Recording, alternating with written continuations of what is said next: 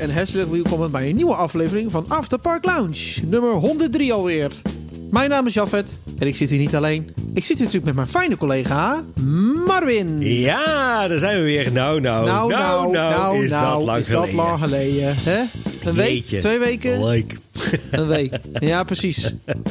Ja, en dit is wel toch weer een hele bijzondere aflevering, hè? Want we hebben weer een Makrides Chronicles. Ja, ja. Eentje Zeker. Over de carouseltheaters. En dan denk je, hè, carouseltheaters, wat is het? Nou, als je ooit eens een keer in eh, Disney bent geweest, dat is wel het meest ja, interessante carouseltheater, eh, denk ik, ter wereld. Dat is de Carousel of Progress.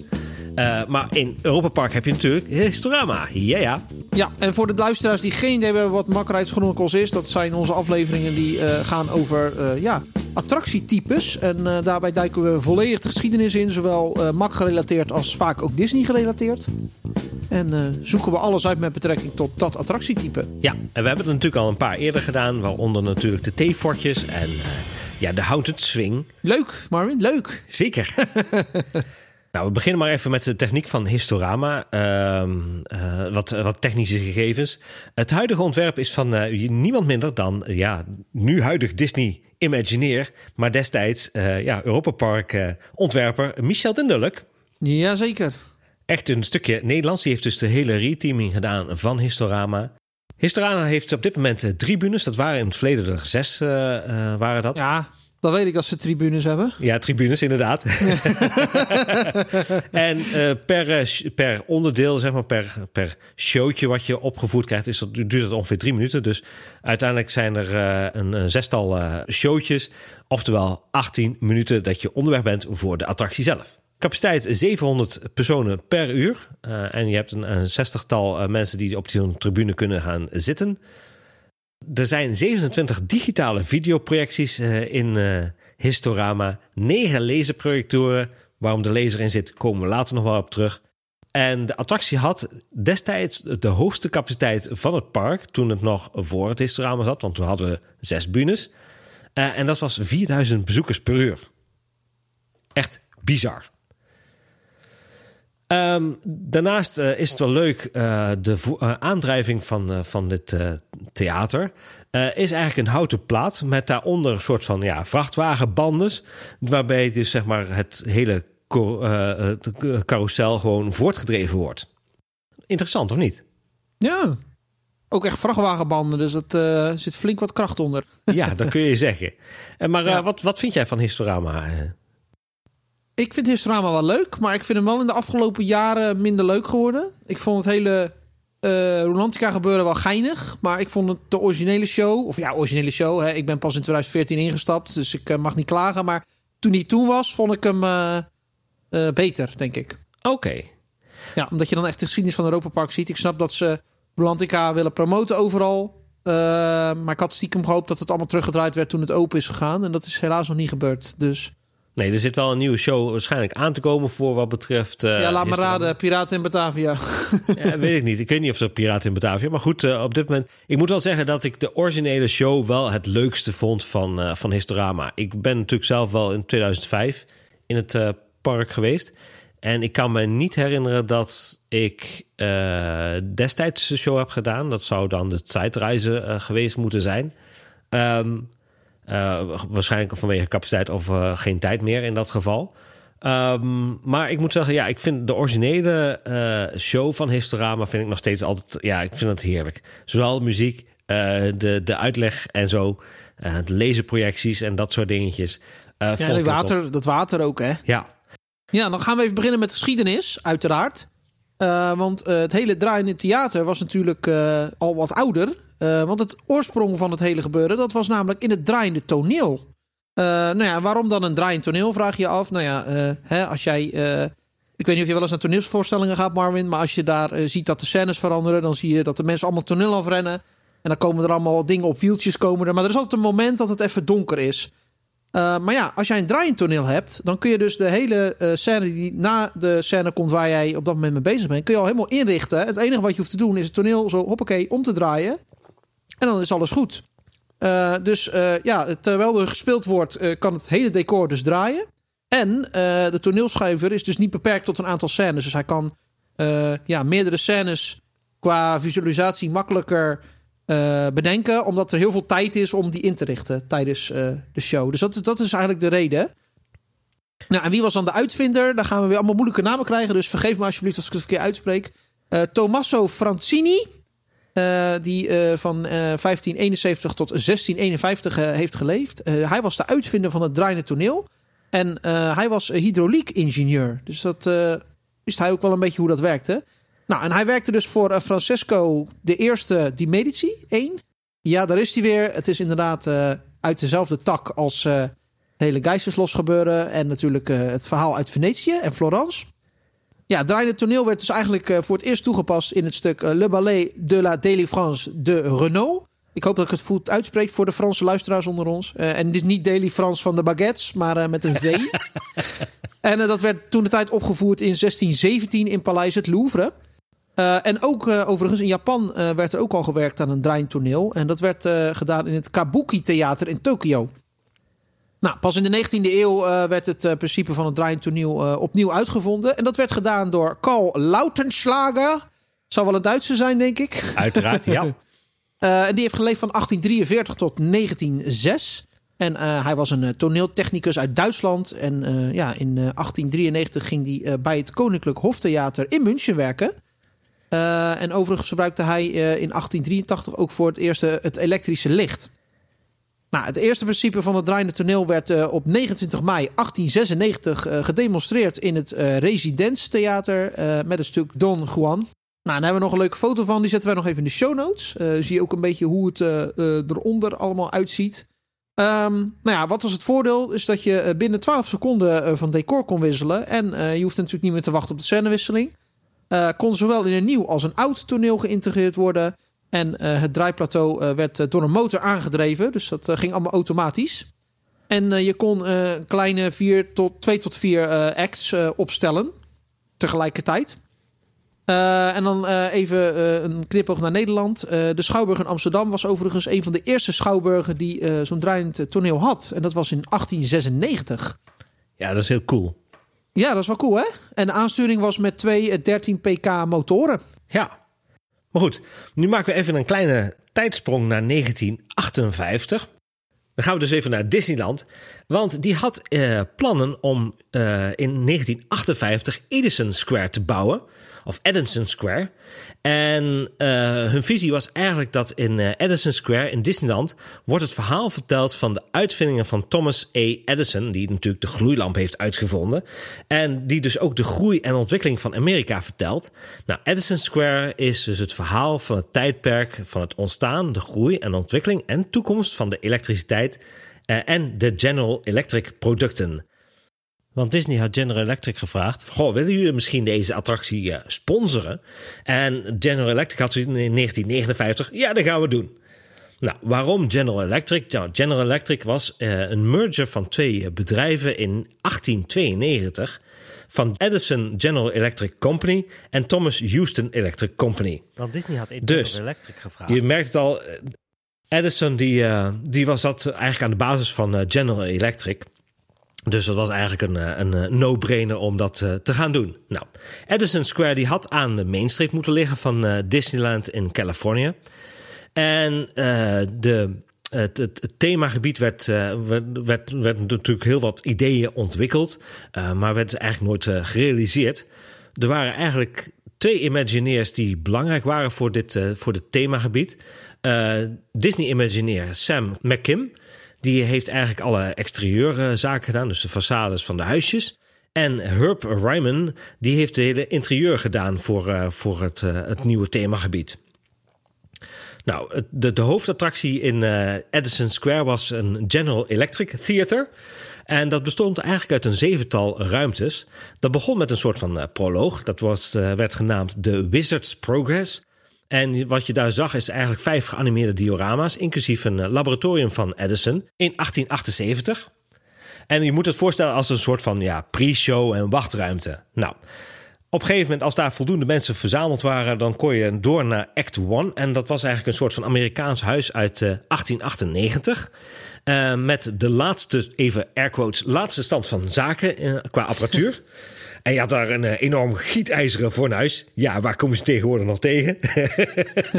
ja, dus... de gietijzer, alles gietijzer, hè, dat toen de tijd. Uiteraard, degelijk. Probeer die maar eens uit de vrachtwagen te krijgen. Man, Precies. Man een vaatwasmachine. En uh, nou, alles werd uh, gedemonstreerd door Wilbert K. Watt. En dan denk je, yo, wat? Oh, dat is van, uh, van het vermogen. Nee, dat is een andere Watt. Dat was James Watt. Dat was een, een Schotse engineer. Nou, als je dus dat gehad had in het theatertje, dan ging je naar act 2. Dat was een soort van naoorlogse familie. overigens dezelfde familie. Uh, in 1918. Nou goed, en dan beschrijft Wilbur eigenlijk de eerste dagen van, uh, van, van elektriciteit. Dus de komst van elektrisch uh, licht. En natuurlijk ja, de nieuwe apparatuur die toen beschikbaar was. Nou, dan ging je nou door naar acte 3. Dat eigenlijk was, was eigenlijk de expansie van elektriciteit. Dus dan kon, is het in een keer 1958, dus hè, hedendaags voor die tijd. Uh, met de komst van CV en de airco. En dat je dus een uh, gepocheerd ei kon maken in uh, 20 seconden. Nou, hè? wie wil dat nou niet? ja. En tot slot had je dan in acte 4, en dat was dan de toekomst. Nou goed, dat was dan uh, 19 vraagteken 8. en dat was eigenlijk New York, New York van de toekomst. En dan hadden we allerlei soorten ruimtevaartuigen die op Venus uh, landen. En interplanetaire televisie. Nou, ik, ik zeg altijd maar zo, streep die 19 maar door, want zover zijn we nog steeds niet. maar wa wat is interplanetaire televisie? Dus dat je dat uh, op Mars de tv kunt kijken. Oh, oké. dat is ook echt belangrijk, hè? Televisie kijken. Ja, nou op Mars wel. En dan had je nog een, ja, dat noemen ze een epiloog. Dus dat was gewoon een eh, tentoonstelling van alle General Electric producten met de huidige stand van zaken. De acte 1 tot en met acte 4, hè, dus de vier theaters die daar dus, uh, vaste theaters die daar dus zaten, die werden dus ook aan elkaar geschakeld. Dat leverde natuurlijk ook nog wel even het nodige kopzorgen op. Want alles moest gesynchroniseerd worden. Van de deurs tot de shows. En uh, per, per zaal kon je dus 125 mensen kon je erin. Nou, één, zeg maar, de hele attractie zelf, die duurde uh, ongeveer een uur. Dus je had ongeveer 15 minuten per show. En dan reken ik even de voorshow en uh, de tentoonstelling even niet mee. En dat brengt dus uit op een capaciteit van 2000 personen per uur. Wat best wel heftig was voor die tijd. Maar wat nou zo bijzonder maakte aan dit hele verhaal is dat er voor het eerst menselijke audio-animatronics gebruikt zouden gaan worden. En dat is iets wat Disney tot, tot dan toe nog nooit gedaan had. Dus uh, überhaupt nog niet eens een animatronic. Uh, maar ja, het punt is, Disney, Walt Disney die legde de lat zo hoog dat uiteindelijk hè, de, de Imagineers zeiden, ja, maar dat kunnen we nog niet eens halen op dat moment. Dus dat hele project ging linea recta de General Electric ijskast in. Dat is zonde. ja, dat kun je zeggen. Ja, dat vond General Electric natuurlijk wel heel erg jammer. En die had zoiets van, ja, maar goed, wij blijven nog wel gewoon samenwerken. En in en maken we even een klein sprongetje naar 1963, want dan wordt dus de Enchanted Tiki Room wordt geopend. En dat is eigenlijk het, de eerste attractie waar uh, Disney een ja, audio-animatronic gebruikt. Of een, even kortweg een animatronic. Uh, maar dan in de vorm van vogels. Want Disney had dat ooit eens een keer gezien en die had zoiets van: hé, hier moeten we wel wat mee gaan doen. Een soort van mechanisch eh, vogeltje in een vogelkooi. Laten we daar wat mee gaan doen. En daar is uiteindelijk de Enchanted Tiki Room uh, voor uh, ja, ontstaan. Is nou de um, Carnaval in nou ook gebaseerd hierop of niet? Ja.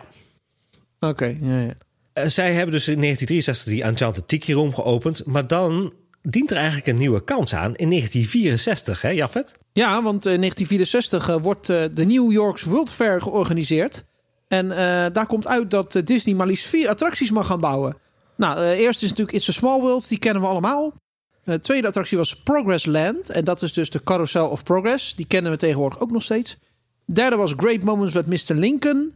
En de laatste was de T-Fortjes met audio animatronics. Nou, die kennen we ook weer. Dus allemaal bekende namen. Uh, en hiermee wordt dus de ontwikkeling voor de audio animatronics uh, flink gesponsord. Nou, uh, op een zeker moment wordt het Edison Square concept dus opnieuw van de plank gehaald. Of uit de ijskast in dit geval. Nou ja, draaiende stage kon op dat moment niet. Want ze waren natuurlijk bezig met animatronics. En dat ging nog niet echt samen met een draaiende stage. Want hè, dan moet je al die techniek ook eronder weer verwerken. Dat ging allemaal niet. Dus dat was allemaal niet handig. Um, maar er was dus een probleem. En dat, uh, ja, dat bracht dus de Disney Imagineers Roger E. Broggie en Bob Gurr aan het, uh, aan het denken. Maar goed, ze hadden al uh, snel de oplossing gevonden. Want ja, ze dachten, als je de stage niet kan draaien... dan draai je toch gewoon het publiek. Makkelijk, ik vind het wel leuk. ja, ik vind het wel leuk. en uh, daarmee kwam dus uh, een, een, nieuwe attractie op de wereld. En dat was het Draaiend Theater. Of beter gezegd, het Carouseltheater. En dan bedoelen we niet de versie van in de Efteling. nee, nee, nee, nee, nee. Want die draait niet rond. Dat is, dan moet je daarnaast zijn in de carousel zelf. Nou, eh, de carousel wordt aangedreven door zes gelijkstroommotoren van een kleine 20 pk. Uh, er worden zes compartimenten gemaakt. Uh, dus vier scènes, één ingang en een uitgang. en per, per, compartiment kunnen dus 260 mensen plaatsnemen. en een compartiment is eigenlijk een tribune, toch? Ja, klopt. Dus uh, nou ja, uh, ruim 45.000 mensen konden per dag gebruik maken van de attractie. Dus dat is echt een, een hoop man.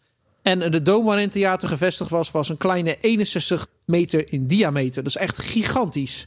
Ja. Nou ja, en de wachttijd uh, liep op die reden, om die reden ook vaak op tot een uur.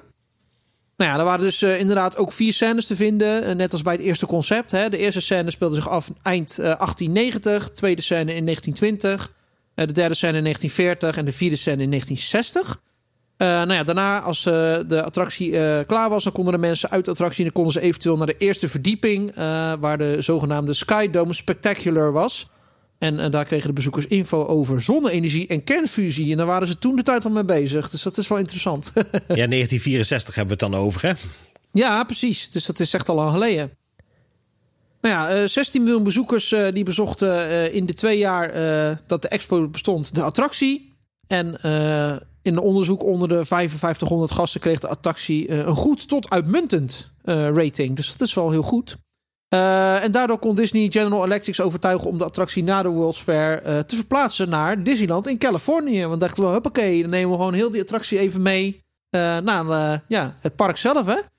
Ja, en de reden waarom Disney, dus Disney dat overgeplaatst wilde hebben, is was dat, dat ze dus bezig waren met Tomorrowland te herontwikkelen. Want ze hadden daar een Tomorrowland staan vanuit de opening. Maar dat was eigenlijk een beetje achterhaalde spul wat er op een gegeven moment stond. Dus ze hadden zoiets van, nou weet je wat, als wij het Carousel of Progress over meenemen, vervolgens daar nog wat andere attracties erbij zetten, dan, uh, dan zijn wij weer helemaal het mannetje. Dus op die manier wisten ze inderdaad eh, General Electric te overtuigen om eh, even de, de, de attractie te verplaatsen naar hun eigen park. Slim of niet? Gewoon even, hè? Even. Ja. De Skydome Spectacular die ging helaas niet mee. Dus het was echt alleen de carousel. Voor de, de attractie in Disneyland werd dus de vierde scène werd nog wel aangepast naar ja, wat uh, Today was. En dat was een scène in kerstsfeer.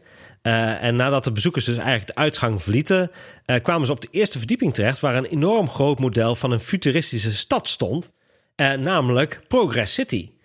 Of beter gezegd, Experimental Prototype Community of Tomorrowland.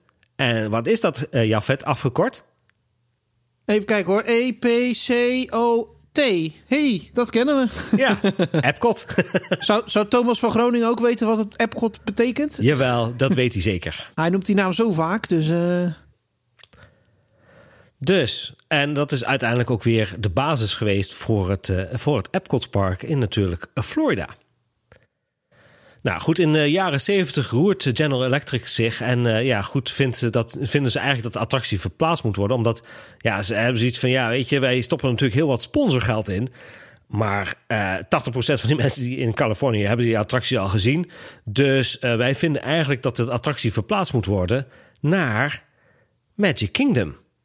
Dus op 9 september 1973 valt dan ook het doek uh, voor, uh, voor de attractie in Californië. En wordt de attractie ontmanteld en verplaatst naar Magic Kingdom. Doe even een attractie verplaatsen. Die attractie heeft meer van de wereld gezien dan ik, denk ja, ik. Ja, dat. dus, uh, nou ja, goed. In Magic Kingdom wordt dus het volledige gebouw opnieuw gedesigned. met daarboven een soort van ja, loft. Waar dus de Tomorrow Transit Authority People Mover is. Wat dus de basis was voor alle people movers die uh, uh, Disney rijk is. Nou, het model, het model van uh, Progress City gaat natuurlijk mee, maar die wordt dan flink, wordt even flink de zaag ingezet en wordt even een stukje kleiner gemaakt. en op de originele plek in Disney Anaheim, in Disney California, um, verscheen dus in 1974 ook een carouseltheater genaamd American Sings, die tot ja, 1988 zich daar bevond. Nou, Ja, is dat eh, gesloopt dan nu of staat er nu een andere attractie tegenwoordig? daar staat nu, als het goed is, een andere attractie. Ik moet even, ben even, eh, ik weet even niet precies meer welke attractie daar staat, maar die, sta- daar staat geen carouseltheater meer. Oké. Op eh, 10 maart 1985 stopt dan ook de samenwerking met General Electric. Want dan is het wel welletjes geweest. Dus alle ja, naamplaatjes van General Electric worden dan ook even netjes en vakkundig afgebeiteld. Van tot en met de koelkast toe. Gietijzeren koelkast, hè? Ja, Ja, dan gaan we toch even terug eh, richting eh, Roest, Europa Park. Eh, want dan hebben we natuurlijk het Historama. En hoe begon dat nou? Nou, in 1990 eh, opende natuurlijk Chocoland. En we hebben het in de geschiedenisaflevering al even kort over gehad. Nou, en dat was een samenwerking tussen Soegard Chocoladefabriek. en die kennen we onder andere van de Milka. en Europa Park. Nou, en daarbij komt dus een 35 meter hoge glazen piramide. Met daarin natuurlijk het opstopstation van de kleine monorail. Die toen de tijd nog de Milka Express heette. Het Panorama Café en eh, het Dreetheater. Hè, daar hebben we het ook eerder over gehad. Het Draaitheater, dus eh, wat nu het Historama is. Leuke fact trouwens, Marvin. Eh, ik wist niet of je dat wist, maar de naam Milka, dat bestaat uit... Dat is een samentrekking van milk en cacao. oh, grappig. Wist ik niet. Maar waarom, waarom wordt dan, zeg maar, want ja, Milka, daar staat nog aan paars. Waarom werd dan überhaupt paars gebruikt? Nou ja, schijnbaar was eh, in die tijd paars een ongebruikelijke kleur om dingen te verpakken. Dus toen hadden ze zoiets van, nou dan doen wij dat, want niemand doet dat. Weet je wel? Oh, cool. Ja, dus Gaaf. dat is wel, eh, wel een leuk feitje. Eh, nou ja, in het Carouseltheater komt een kleine dark ride show en die heet Lila's Geheimnis, oftewel Lila's Geheim. Eh, en dat is dus een reis door de wereld van chocola. Nou, als je daar geen trek van krijgt, dan weet ik het ook niet meer. Eh, nou ja, het voordeel van theater is dat, dat er een minimale wachtrij is. En eh, het verhaal gaat eh, over zussen die een chocolademachine bezitten. Maar dan ja, raken de ingrediënten op een gegeven moment op.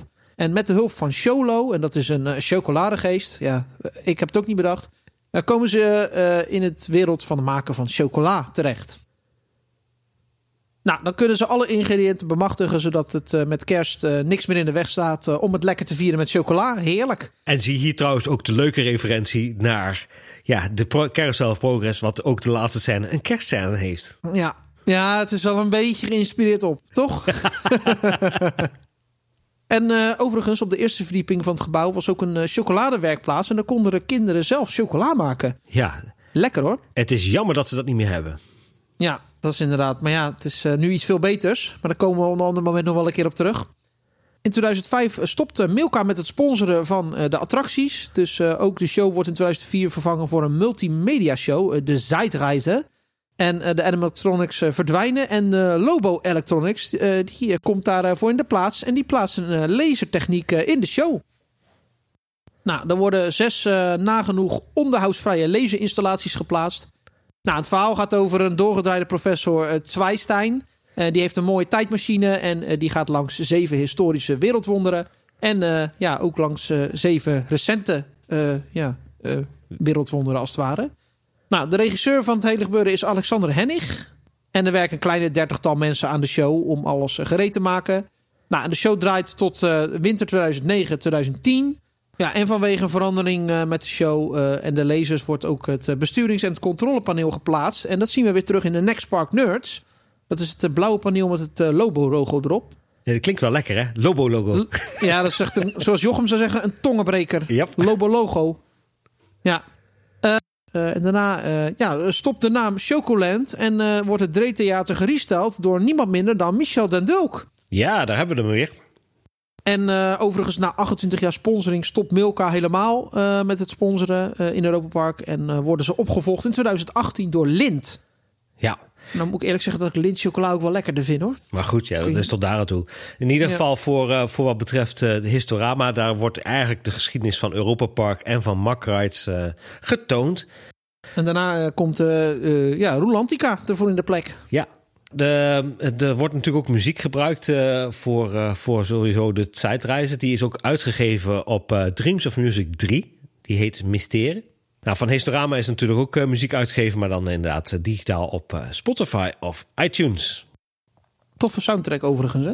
Zeker, zeker. We hebben het al eens over gehad in onze muziekaflevering. Maar ja, ik vind hem wel heel tof. Nou, van die draaicarousel zijn er überhaupt heel weinig gebouwd. Volgens mij heeft Europa Park alleen voor zichzelf uh, zo'n carousel gebouwd. Uh, er zijn in Duitsland sowieso nog op twee andere plekken waar, uh, waar dit soort uh, carouseltheaters staan. maar volgens mij zijn die niet door, door gebouwd. Nu denk je van, nou ja, goed, dat zal dan wel zo zijn. Maar, surprise, surprise, Takumeon, dus een, een, een, een bedrijf waarin uh, zeg maar deelneemt, die heeft de game, Gameplay Theater. En dat is eigenlijk ook een draaiend theater met een ja, interactief element. Nou, die uh, gameplay uh, theater die heeft een diameter van 35 meter. Uh, die kan 10 scènes bevatten met zeg maar 20 seconden aan speelplezier. Ik weet niet of dat lang is of niet, maar vrij kort, denk ik. Ja, het voelt een beetje net als bij Mouse Chocola, dat je doorheen schiet, zeg maar. Dan moet je of kleine scènes hebben, of dat ding draait gewoon heel snel rond. Maar ja. ik hoop het, het, hoop het eerste, want ik word helemaal misselijk. Nou, daarvan heb je dus negen mediaschermen. Dus ze zeggen niet alles hoeft interactief te zijn. Dus dan zul je ook gewoon iets van, van een dark ride scène kunnen zien. Um, je hebt een interactieve controller met geluid. Uh, laserprojectie, Goh, daar weten we natuurlijk met Lobo. Uh, en Full HD. Surround sound, een puntentelling. Nou, de rittijd zou iets van zes minuten moeten zijn en de speeltijd drie minuten. Uh, en dan zou je nog een, één rondje kunnen gaan of twee rondjes als je zou willen. De theoretische capaciteit is 900 personen per uur. Uh, maar als je dan de, de concept arts bekijkt, lijkt er eigenlijk het ritssysteem een beetje op Mouse Chocolat. Dus volgens mij heeft Mundi, zeg maar van de Next Part Nurse, die heeft ook gezegd van misschien kunnen we hier nog eens een keer een, een ride van maken. Ik ben benieuwd wat ze ermee gaan doen, ooit is. Maar een nou, wat zou jij ervan vinden? Ik denk dat het wel een goede plus is voor, uh, voor Historama. Want nu ik is, denk het ook. Ik nu, denk het ook. Nu is het gewoon zitten en, uh, en kijken. En dan heb je toch iets interactiefs. Ik zou dat wel, ja, wel fijn vinden. Ja, ik ben het helemaal met je eens. Overigens zou ik het ook niet erg vinden als het hetzelfde blijft zoals het nu is hoor. Maar dan zou ik wel of een hele nieuwe show willen zien of de oude show weer terug. Maar het liefst een nieuwe show, denk ik. Ja, nou, ik ben benieuwd wat ze nog uh, toekomst heeft voor, uh, voor Historama. Ja, en dan het liefst iets over Europa Park. Hè? Dus even geen uh, piraten, geen, geen andere zaken, maar echt even EP. Dat vind ik wel gewoon tof. Gewoon omdat het kan. Ja, of gewoon een show over Donut Stand 1. dat is ook ja. daar vlakbij, hè? Daar kun je misschien ook wel een uh, minuut over vol krijgen. Nee. Je moet jij eens weten. het is in ieder geval rond, hè? Precies. Met een gat erin. Precies.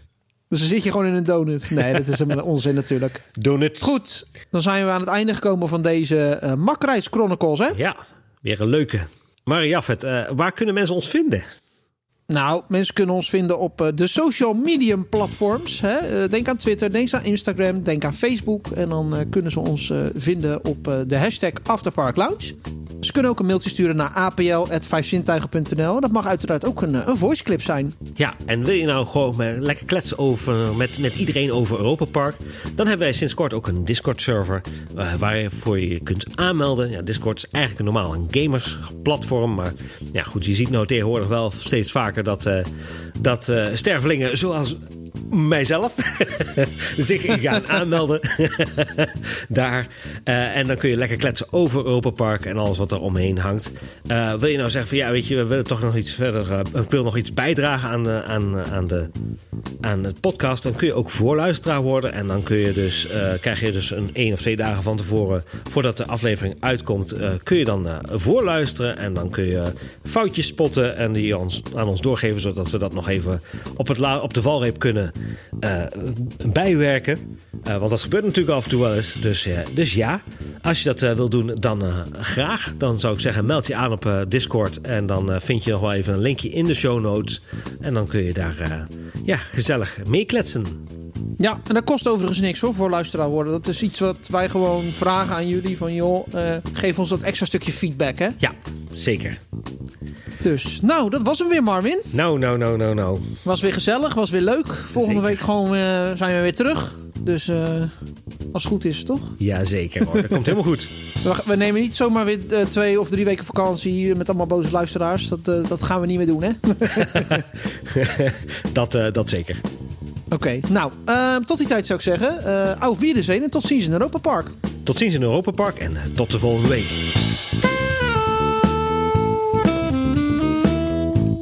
Social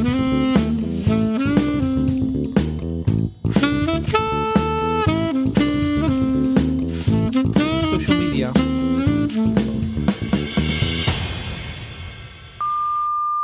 Ehm, ja, het draaiende toneel werd eh, dus eigenlijk eh, eh, voor het eerst toegepast in het stuk La Ballet de la Defriance. De... Wacht even. Zal ik hem even oppakken? Nee, ik kan, het, ik kan het wel even doen. Dus dat, vinden, dat vinden mensen ook leuk als ik dingen verkeerd uitspreek, volgens mij. Nou, het eerste principe van het draaiende toneel werd uh, op 29 mei 1896 uh, gedemonstreerd in het uh, met het stuk Don Jean. Don, nee. God, staat er zelfs achter. dus ook de show wordt in 2004 vervangen voor een multimedia show, de Zeitreise. Zeit, Zeit. Dat zeg, dat zeg ik toch? Zeitreise? Zeitreise, Zeit. Oké. Okay. De Zeitreise en uh, de animatronics uh, verdwijnen. En uh, Lobo Electronics, die komt voor de plaats. Van, in de plaats. in de plaats? In de plaats. God. Um, dat, dat gameplay theater... Theater. Theater. Wacht even hoor. Theater. Theater. Theater.